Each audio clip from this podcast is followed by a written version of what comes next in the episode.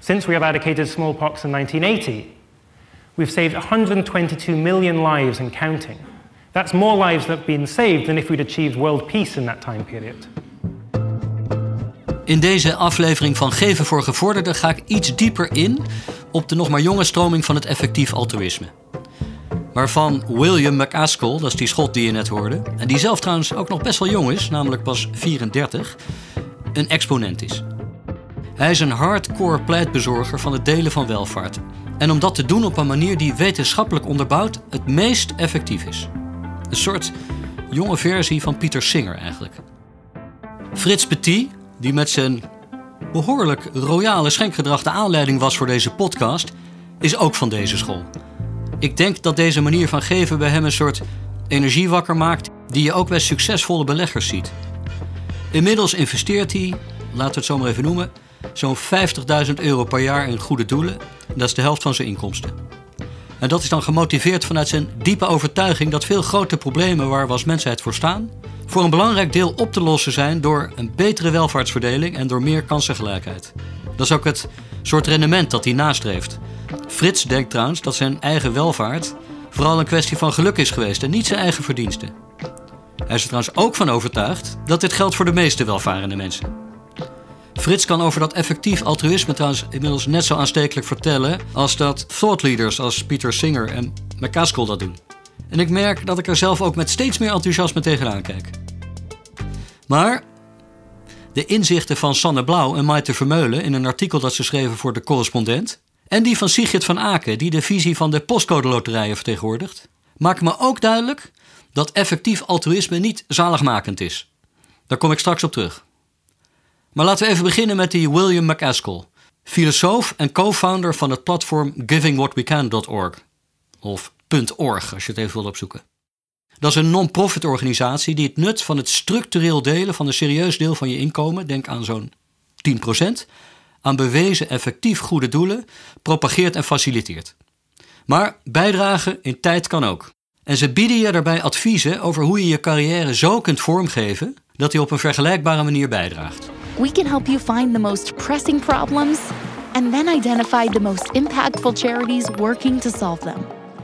Als ik inlog op de homepage van givingwhatwecan.org, is het al snel boter bij de vis. Ik scroll helemaal naar beneden tot ik aankom bij het kopje How rich are you? Met als onderschrift You'll be amazed at how you can compare to the world and how much impact your donations could have. Even invullen in welk land je woont. Je jaarinkomen. En de samenstelling van je huishouden. En één klik verder weet je hoe jij je, welvaartwise, verhoudt tot de rest van de wereld. Als ik even naar mezelf kijk, maar 5,5% van de wereld is rijker dan ik ben. Nou, dat klinkt alsof ik stinkend rijk ben, maar ik denk dat voor veel luisteraars geldt dat je daar al heel snel op zit hier in Nederland. Maar ik zou je zeker willen aanmoedigen om te checken of die aanname voor mij klopt. Ik zie trouwens ook dat ik ruim 10 keer zoveel verdien als een gemiddeld persoon in de wereld met een vergelijkbaar huishouden. Met diezelfde muisklik is ook meteen al voor je berekend, moet ik even verder naar beneden scrollen, wat een jaarlijkse donatie van 10% van dat jaarinkomen voor mij kan gaan betekenen. Boter bij de vis, zoals ik al zei. In mijn geval zijn dat, dat zie ik, bijvoorbeeld ruim 1700 muggennetten of bijna 9000 schistosomiasisbehandelingen. Toch nog even opgezocht. Schistosomiasis is die infectie door parasitaire wormpjes, waar de filosoof Baudry al even over sprak in een eerdere aflevering. En die worm die is goed voor 250 miljoen besmettingen per jaar, vooral in warme landen. Wat dan weer zorgt voor chronische vermoeidheid bij kinderen en daarmee tot heel veel schooluitval. Terug naar de site. Neem even die 1700 muggennetten die ik mogelijk zou kunnen maken.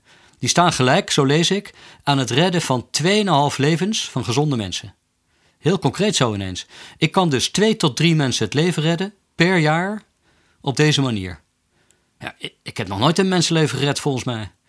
Het is een stevige, indrukwekkende belofte die me klaarstoomt voor de button Take the Pledge. Oftewel, de laatste stap om het te committeren met een donatie van 10% van mijn jaarinkomen aan de meest effectieve organisaties om het leven van anderen te verbeteren.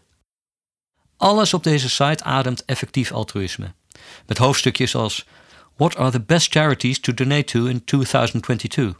Of bijvoorbeeld How to identify a promising cause to support. Ik zie ook links staan die me verwijzen naar Charity Evaluators. Dat zijn organisaties, zoals al eerder genoemde GiveWell, die onafhankelijk onderzoek doen naar de effectiviteit van verschillende goede doelen. Maar ik tref ook praktische, drempelverlagende knoppen aan als Tax Deductibility Guide by Country. Waar ik als ik op Nederland klik zie wat mijn belastingvoordeel is, of anders gezegd, de aftrekmogelijkheden die ik heb als ik hier een gift doe. We provide the support, community, and information you need at every stage of your giving journey. Whether you're just getting started or want to make effective giving a meaningful part of your life. Zo soft als deze voice-over uit het introfilmpje op een site misschien klinkt, zo zakelijk en rationeel is de aanpak dus van deze organisatie. En dat slaat aan. Ze bestaan pas sinds 2009, maar hebben inmiddels ruim 7.500 donerende leden. die samen al zo'n 250 miljoen dollar gedoneerd hebben. En veel belangrijker, zich ook voor de komende jaren gecommit hebben dit te blijven doen. Waarmee nog eens 2,5 miljard in de pipeline zit. Nou, dat is niet mis. Giving What You Can tapt zo te zien met groot succes in op de behoefte die veel mensen hebben om een aantoonbaar verschil te kunnen maken met hun donaties.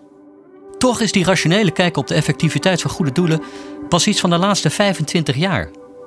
Rutger Bregman schreef ooit een stuk voor de correspondent met als titel Het tijdperk van feitenvrije ontwikkelingshulp is voorbij. Over de noodzaak van het meten van effectiviteit van ontwikkelingshulp. En hij rekent ons voor dat de westerse wereld ongeveer 90 miljard per jaar aan ontwikkelingshulp uitgeeft. Over de afgelopen 50 jaar bij elkaar opgeteld is er ongeveer 5 biljoen met een B naartoe gegaan. Het schijnt dat de oorlogen in Irak en Afghanistan ongeveer evenveel gekost hebben. Brechtman haalt in zijn stuk professor Esther Duflo aan. Ik weet niet of ik het helemaal goed uitspreek, maar goed. Die kritisch onderzoek naar de effectiviteit van ontwikkelingshulp vergelijkt met middeleeuwse aderlatingen. En ik quote even hier. Werd de patiënt beter, dan kon de arts zich op de borst kloppen. Ging de patiënt dood, dan was dat vast de wil van God. Aan de goede intenties van de dokter lag het vast niet.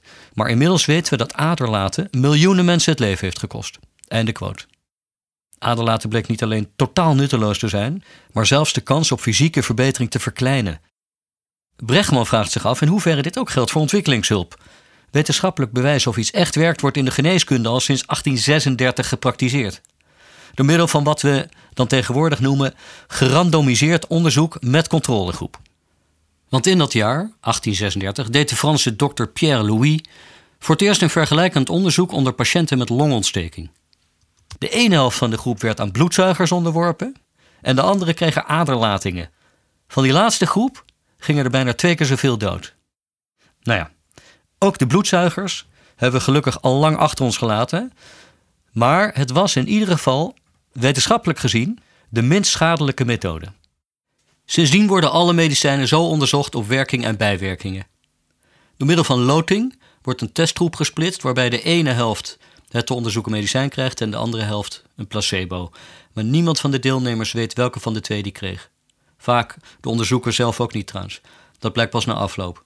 Heel zorgvuldig dus en ook bedoeld om mogelijke vooroordelen uit te sluiten. Brechtman is dan ook terecht verbaasd over het feit dat een wetenschappelijke onderbouwing of ontwikkelingshulp werkt pas in 1998 voor het eerst werd gedaan. Door middel van zo'nzelfde gerandomiseerd onderzoek met controlegroep. Dat was trouwens dat onderzoek, daar heb je hem weer, waar het bleek dat een behandeling tegen schistosomiasis, ik weet nou dat dat dat enge wormpje is dat zich via je huid in allerlei organen nestelt en een algehele malaise veroorzaakt, effectiever bleek voor de schoolresultaten dan gratis schoolboeken opsturen. Sinds dat in 1998 wetenschappelijk bewezen is, zijn er al tientallen miljoenen kinderen ontwormd. Cijfers in plaats van intuïtie. Zo leveren, lees ik in datzelfde stuk van Brechtman trouwens, 100 dollar aan gratis maaltijden opgeteld 2,8 extra schooljaren op. Dat is bijvoorbeeld drie keer meer dan voor datzelfde bedrag gratis schooluniformen uitdelen, wat ook geprobeerd is. En in dezelfde vergelijking levert het ontwormen van kinderen 29 jaar aan extra scholing op. Het kan dus een enorm verschil maken voor welke aanpak je kiest om een bepaald probleem op te lossen. Maar de tragiek is dat nu we eindelijk beseffen hoe wetenschappelijk onderzoek de effectiviteit van ontwikkelingshulp enorm kan verbeteren, de Nederlandse uitgaven eraan de afgelopen jaren enorm zijn afgenomen. En dat is dus precies de reden dat Frits graag gebruik maakt van de mogelijkheden die de belastingwetgeving hem biedt op de aftrek van giften aan projecten in de derde wereld.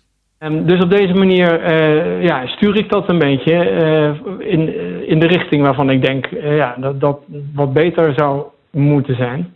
William McCaskill die haalt als voorbeeld heel graag Bill Gates aan. The most famous example of someone doing good through their donations nowadays is Bill Gates. You wouldn't think, if you really wanted to make a difference in your life, that you'd work in computing. You certainly wouldn't think to develop an operating system like Windows. But Bill Gates has been able to earn enough that, by my estimation, by the time he dies, he'll have donated $100 billion. And because he's using those donations so wisely, targeting effective causes within global health, I estimate he'll save upwards of 5 million lives. To put that into context, that's as if he'd saved the life of everyone in my home country of Scotland. Eerlijk is eerlijk, met het soort bedragen die Bill Gates te besteden heeft, moet je ook wel echt heel erg je best doen om geen impact te maken. Maar toch, ook Bill Gates, met al die miljarden die hij besteed heeft aan goede doelen, ook hij doet het niet op gevoel, maar alleen op rationeel onderbouwde overwegingen. En met op wetenschappelijke wijze verzameld bewijsmateriaal wordt het effect van de verschillende hulpscenario's berekend. En die met de grootste impact die wordt gekozen. Gates is er echt van overtuigd dat hij binnen afzienbare tijd het sterftecijfer van kinderen onder de vijf jaar dramatisch kan verlagen. Yeah, because I'm, I'm excited about that and, and it's, it's doable. Hij zet de wetenschap niet alleen in om de meest effectieve vorm van ontwikkelingshulp te onderzoeken, maar ook om zelf nieuwe technologisch haalbare oplossingen voor de derde wereld te ontwikkelen. So, a good example of that when it comes to vaccines, to be effective, they need to be kept cold. So this is using electricity. But that's tough in hard to reach areas where refrigerators are rare and unreliable. So, back in Seattle, Gates turned to scientists at a company called Intellectual Ventures, where he is both an investor and an inventor. They created a super thermos using the same technology that protects spacecraft from extreme heat. Using only a single batch of ice, it can keep vaccines cold for 50 days. Bill Gates heeft er nu zelfs een fulltime job van gemaakt om, zoals hij het zelf zegt, to make the world a better place. Bij zijn Bill en Melinda Gates Foundation werken inmiddels 1100 mensen die de hele dag bezig zijn te onderzoeken welke doelen ze willen ondersteunen, volgens de principes van het effectief altruïsme. Miljardair Warren Buffett, ook al eerder de revue gepasseerd in deze podcast, die gelooft ook enorm in Gates' aanpak. En is dan ook inmiddels een hele belangrijke sponsor van zijn foundation. Hij geeft er zelfs het meeste van zijn fortuin aan weg. Kortom, grote namen, grote bedragen, grote resultaten. Investeren met je hoofd en niet met je onderbuik wint steeds meer terrein.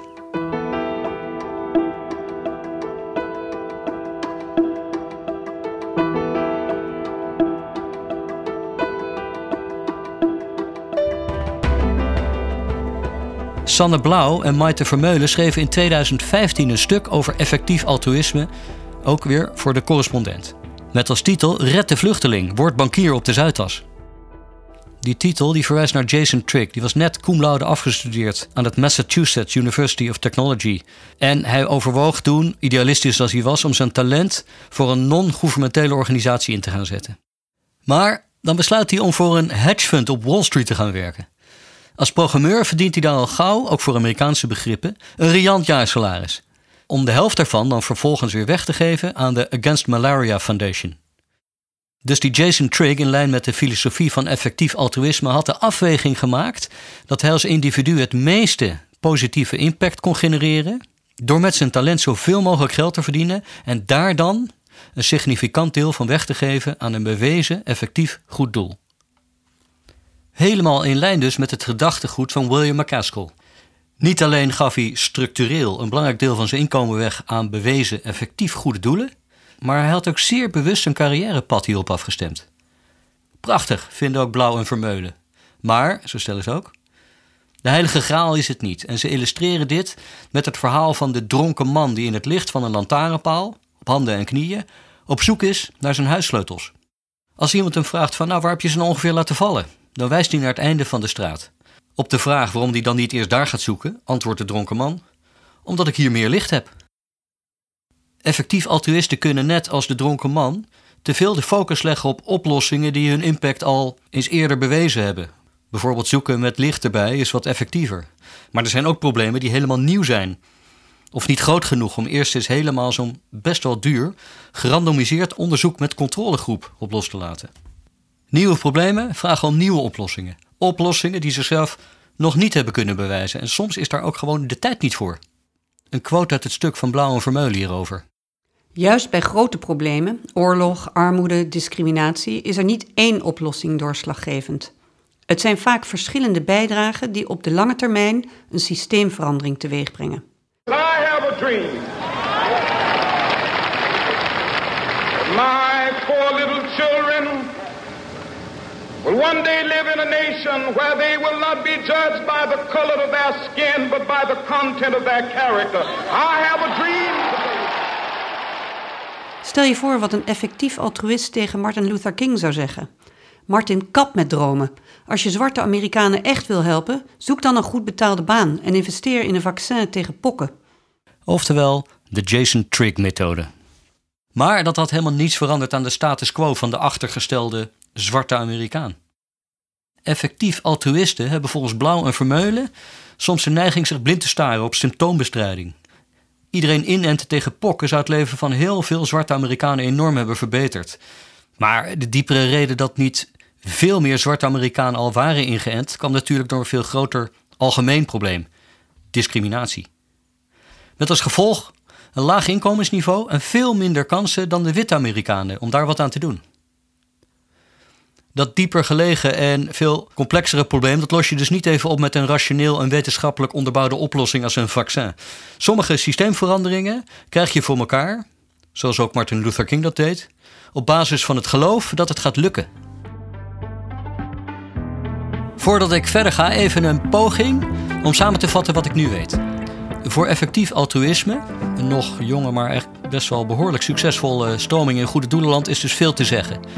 De filosofie en de praktijk overtuigt steeds meer particulieren om structureel geld te doneren aan initiatieven die kunnen aantonen heel effectief voor positieve impact te kunnen zorgen. Zo kun je dus systeemveranderingen voor elkaar krijgen. Maar het is ook niet heiligmakend, want sommige initiatieven zijn gewoon te klein of te complex. Of hebben misschien te veel urgentie om eerst langs de rationele meetlat van effectief altruïsme te leggen. En zo heb ik een mooi bruggetje naar de postcode loterij. Nog even, en dan mogen we een hele speciale prijs uitreiken. Stelt u toch eens voor, één jaar lang 100.000 euro per maand voor u en uw buren. Dat is 1,2 miljoen. Mis hem niet. Ga naar postcodeloterij.nl en speel mee. De postcode loterij is een orde van grootte vergelijkbaar met de Bill en Melinda Gates Foundation. We hebben een jaarlijkse omzet van boven de 2 miljard. Dus 1, 1 miljard in Nederland, 1 daarbuiten.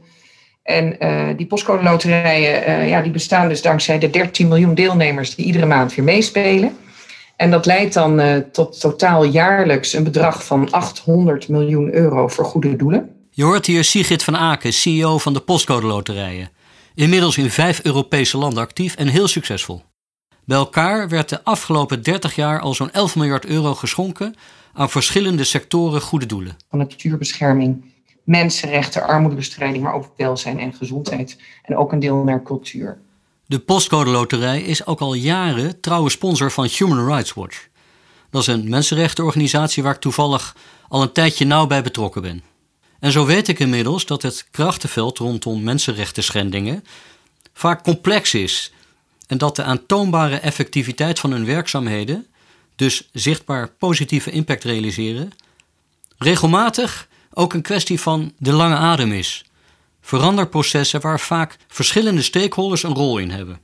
Hoe zou je dat belangrijke werk dat Human Rights Watch doet nou moeten onderbouwen met een gerandomiseerd onderzoek met controlegroep? Dat is natuurlijk niet te doen. Maar voor de postcode loterij is effectief altruïsme dan ook niet de heilige graal.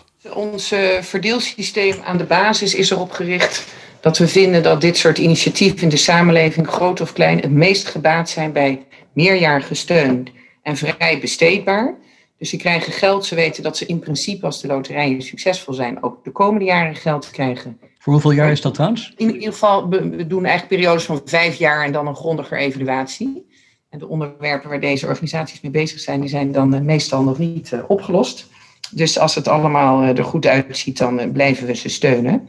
Maar dan zijn het dus uh, uh, donaties die ze dus vrij kunnen besteden waar ze aan willen. En dat vinden we belangrijk omdat ze daarmee een langetermijnstrategie kunnen uitzetten. Ze kunnen investeren, ze kunnen risico's nemen en ze zijn wendbaar in, uh, in tijden van crisis. Nou, dat hebben we de afgelopen periode natuurlijk weer gezien. alle plannen die uh, iedereen had, uh, dat geldt voor alle sectoren, maar ook bij goede doelen, die kon natuurlijk de prullenbak in. En dan moet je je middelen elders kunnen besteden om, om weer impact te maken. Ze steunen bij de postcode loterij goede doelen, zoals dat in jargon heet, zonder oormerk. Vooraf wordt gecheckt of het een gezonde organisatie is, die voldoet aan allerlei zelfregulering, maar ook of ze de toets van andere donoren en de publieke opinie kunnen doorstaan. Meer niet. Want dan is het veel succes de komende jaren met ons geld en we horen graag welke mooie dingen je ermee bereikt hebt. De postcode loterij gaat dus bewust niet op de stoel van goede doelen zitten om te onderzoeken hoe ze de positieve impact van hun giften kunnen optimaliseren of te bepalen wat de prioriteiten zijn. Ze vertrouwen erop, met de genoemde checks, dat er goed met het geld wordt omgegaan. Een andere werkwijze dan bij de Bill en Melinda Gates Foundation dus. Het belangrijkste criterium voor de postcode loterij bij de keuze van een goed doel is draagvlak in de samenleving. Wat logisch is, want elke donatie-euro van de postcode loterij moet eerst verdiend worden in diezelfde samenleving. Waar de opbrengst van al die loten naartoe gaat, moet dus wel een beetje aansprekend zijn voor een breed publiek. Een soort crowdfunding dus, om iets te doen voor de samenleving. Je kunt je natuurlijk afvragen of mensen meedoen aan een loterij omdat ze het goede doel willen steunen, of omdat ze gewoon een miljoen willen winnen. Wat de postcode loterij betreft natuurlijk beide. Maar goed, of er draagvlak in de samenleving is voor een bepaald goed doel, daar hoeft Gates met zijn foundation dus geen rekening mee te houden, want die betaalt alles uit eigen zak. Een exponent van het ongeoormerkt geven is het Droomfonds van de Postcode Loterij. Omdat we eigenlijk ook um, met onze middelen, en het is natuurlijk Money Talks, uh, willen stimuleren dat er vernieuwingen plaatsvinden. En dat deze organisaties groot durven te denken, veel groter dan ze misschien van nature doen. Omdat natuurlijk die hele goede doelensector ook uh, enorm onder druk staat qua reputatie en verantwoording. En uh, eigenlijk word je aan alle kanten, dat is natuurlijk het verhaal van Dempalotta, moet je vooral niet groot en gek doen en risico's nemen, want dan word je eigenlijk afgestraft hè, als je niet oppast. Hm. En wij willen graag met dat Droomfonds dus wel deze organisaties uitnodigen om te denken buiten de normale begaande paden, te denken aan nieuwe partners, aan oplossingen waar ze misschien wel in geloven, maar die ze nooit hebben durven testen, gezien de risico's. En op die manier uh, eigenlijk nieuwe plannen stimuleren uh, die potentieel ook enorme impact kunnen hebben. Dus dat, dat is het Droomfonds. En dat betekent dus dat we dan grote bedragen geven. Dat kunnen 10 tot 20 miljoen in één keer. Voor een groot plan, dat duurt natuurlijk ook veel meer jaren. Dat is ook heel erg onvoorspelbaar hoe dat precies gaat lopen maar wel met een bepaalde visie die erachter zit en, en weer steun van, van relevante organisaties. Om op die manier uh, ja, dus ook te helpen aan, aan nieuwe oplossingen en aan uh, experimenten eigenlijk.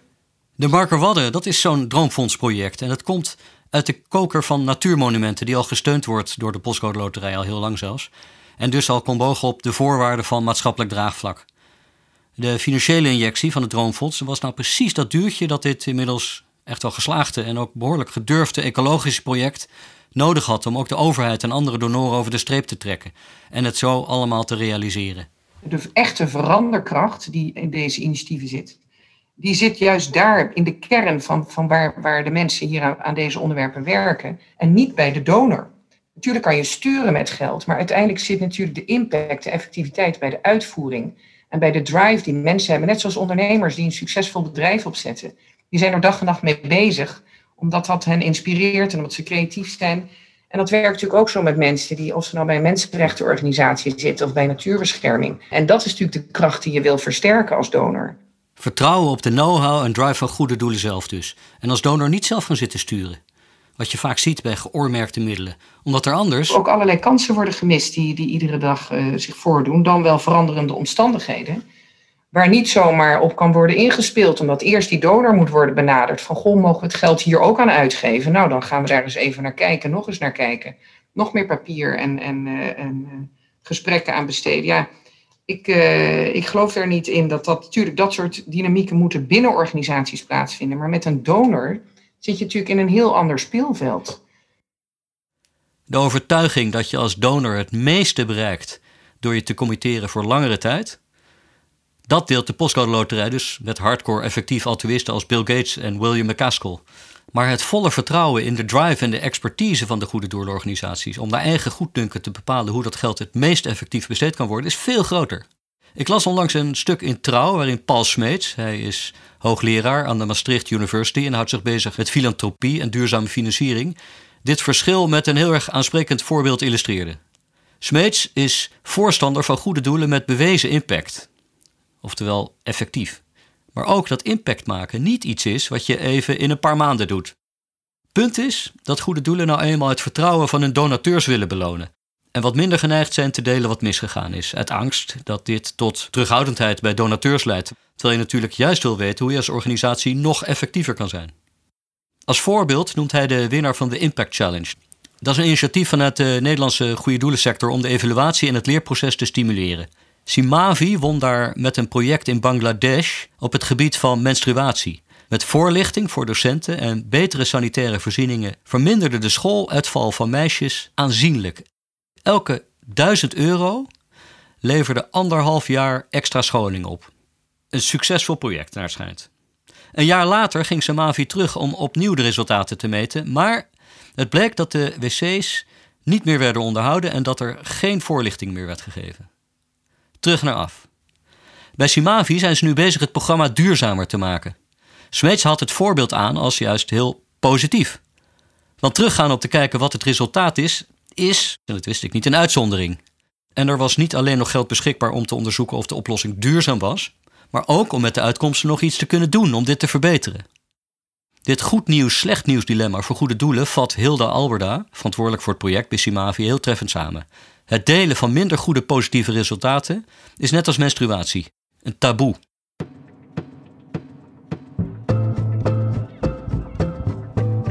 Zo, ik ga nu een poging doen om een en ander samen te vatten en wat voorzichtige conclusies te trekken. Effectief altruïsme bestaat dus eigenlijk nog niet zo heel erg lang, maar heeft wel al een zeer indrukwekkende track record voor wat betreft opgehaalde fondsen en bereikte resultaten. En het is een filosofie die, zo vermoed ik in ieder geval, vooral aanslaat bij kritische, rationele gevers die zich ook echt hardop afvragen: hoe maak ik met mijn geld of tijd dat mag ook, de meeste positieve impact. Om vervolgens het effect te berekenen van verschillende hulpscenario's. Of te laten berekenen door organisaties zoals GiveWell.org of GivingWhatWeCan.org. En dan te gaan voor die met de grootste impact. Maar voor sommige goede doelen is het ingewikkeld of te duur. Om heel precies eerst te gaan onderzoeken of ze het meest effectieve hulpscenario in handen hebben. Of ze zijn gewoon te urgent of te klein om eerst zo'n uitgebreid onderzoek, want dat is het, erop los te laten. Dus voor een donor die eerst van de hoed en de rand wil weten, voordat hij zijn geld overmaakt, de effectief altruïst, vallen dit soort initiatieven dus af. Als ik daar dan het verhaal van de postcode loterij tegenover zet, dan zie ik een donor die juist niet van de hoed en de rand hoeft te weten. Ze houden afstand om het ondernemerschap en de drive en de expertise die al bij de goede doelen zelf zit, ruimte te bieden. Zo blijven die goede doelen wendbaar, oftewel niet te veel bureaucratisch gezeur als de dingen net anders gaan of moeten. Het afbreukrisico voor de donor, als het een flop blijkt, wordt een beetje gedempt door alleen voor goede doelen te kiezen die al konden rekenen op maatschappelijk draagvlak. Goede doelen die in Nederland breed omarmd zijn, ook door andere donateurs en die we dus, net zoals de Postcode Loterij, ons vertrouwen gunnen. Zo werkte, overigens echt wel heel indrukwekkende business case nou eenmaal. Maar de voorwaarden van breed maatschappelijk draagvlak, dat democratiseren, dat sluit natuurlijk ook bepaalde goede doelen uit. En dan heb je zo'n organisatie als die van Bill Gates, de Bill and Melinda Gates Foundation. Die hanteren de wetenschappelijke benadering van het effectief altruïsme bij een keuze voor goede doelen en onderzoeken daarbij dus zelf alles bij die goede doelen wat er te onderzoeken valt voordat ze er geld insteken. Maar daarnaast ontwikkelen ze zelf ook, met alle research en development faciliteiten die ze van nature toch al in huis hadden, nog onbewezen projecten zoals bijvoorbeeld die vaccin Coolbox. Ja, en die Coolbox als project zou natuurlijk ook prima passend geweest kunnen zijn voor het Droomfonds van de Postcode Loterij. Maar dan zou het wel aangedragen moeten zijn door een organisatie die al veel langer een vertrouwd beneficiant is en kan rekenen op maatschappelijk draagvlak. Bijvoorbeeld Artsen zonder Grenzen. Dat zou een partij kunnen zijn. Maar omdat Gates de meeste fondsen voor zijn foundation van zijn eigen rekening pint, en dus in het geval van die Coolbox zowel de donor als de beneficiant is, ja, dan geldt die voorwaarde natuurlijk niet. Het wat platte commerciële beeld wat ik had van de postcode loterij met dat leger aan opgepoetste BN'ers aangevoerd door cultfiguur anchorman Gaston Starreveld, nou, is toch wel wat driedimensionaler geworden. De business case is natuurlijk, zoals ik al zei, heel indrukwekkend. Je kunt je wel afvragen in hoeverre een gemiddelde deelnemer aan de loterij zich echt druk maakt over de goede doelen die hij op die manier steunt. Het is natuurlijk niet die kritische, rationele gever zoals je die bij Giving What You Can tegenkomt. de effectief altruïst. En als hij toch is, dan is het waarschijnlijk niet de reden dat hij meedoet aan de loterij. Maar aan de andere kant van die loterij zit dus een organisatie met een bijzondere eigen visie op de rol van de donor versus die van het goede doel. En ik vind dat wel een aansprekend inzicht. Met als exponent het Droomfonds. Wat ik ook meeneem is het inzicht dat de tijd krijgen van donateurs van levensbelang is voor goede doelen. Om zichzelf te bewijzen, fouten te mogen maken en zichzelf te kunnen innoveren. Daarover zijn McCaskill, Gates en Sigrid het volgens mij helemaal met elkaar eens. Om die reden hanteert de postcode loterij ook het systeem van lidmaatschap. En doe je mee zolang je je lidmaatschap niet opzegt. Dat zorgt voor continuïteit in de fondsenwerving en hierdoor kan de postcode loterij zich voor meerdere jaren committeren als donor. Net zoals het Taking the Pledge systeem van Giving What You Can dat doet. Omdat je je ook daar commit aan het doen van schenkingen in de toekomst. En Bill Gates, ja, die staat sowieso voorlopig nog niet rood op zijn rekening, dus die continuïteit zit ook wel goed.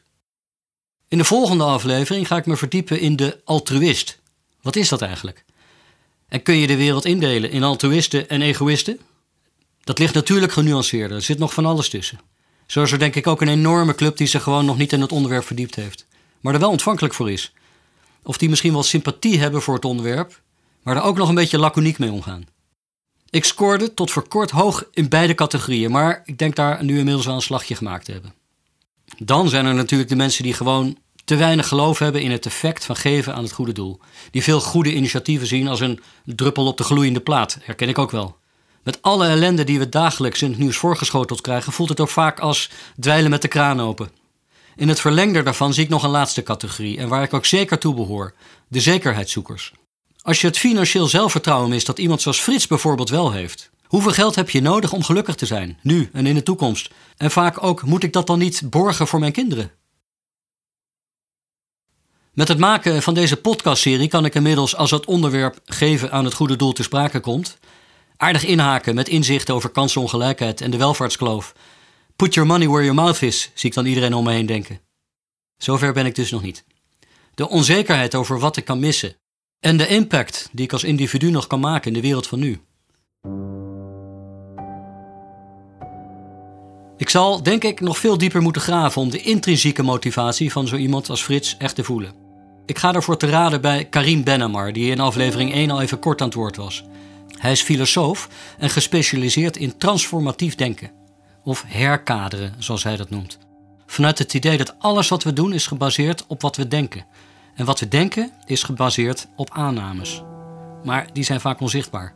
Door middel van verschillende inspirerende voorbeelden, inzichten en oefeningen maakt hij die aannames zichtbaar. En zo stelt hij ons in staat ze ook te veranderen. Het wordt een iets interactievere aflevering met gedachteoefeningen die best wel eens belangrijk kunnen blijken te zijn. Hier alvast even een voorproefje. In Nederland en in Duitsland en in de Scandinavische talen hebben we het woord schuld. En het woord schuld gebruiken we voor een financiële schuld en voor een morele schuld. Je bent schuldig. Hè? Je moet boete doen, had je maar niet moeten lenen.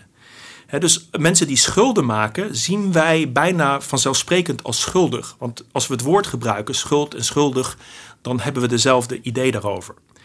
Kijk naar het Engels, heb je debt, uh, financial debt, dat is een, een, financiële schuld. En je hebt guilt voor een morele schuld.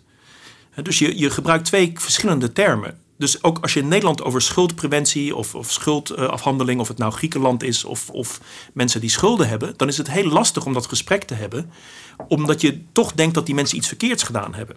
En ook als je kijkt naar de wetgeving in Nederland, dan zie je dat de, schuld, uh, de schuldenaar eigenlijk alles tegen zich heeft en de schuldeiser eigenlijk helemaal buiten schot blijft. De schuldeiser kan eindeloos schuld blijven eisen en die moet altijd terugbetaald worden. In Nederland is zelfs doodgaan niet genoeg reden om van je schuld verlost te zijn. jullie weten dat als je een erfenis, dan moet je die accepteren of, of, of weigeren. Nou, er zijn nog wel andere trucjes, maar dus, dus doodgaan is niet genoeg om je schuld af te lossen. En dat is in andere landen weer anders.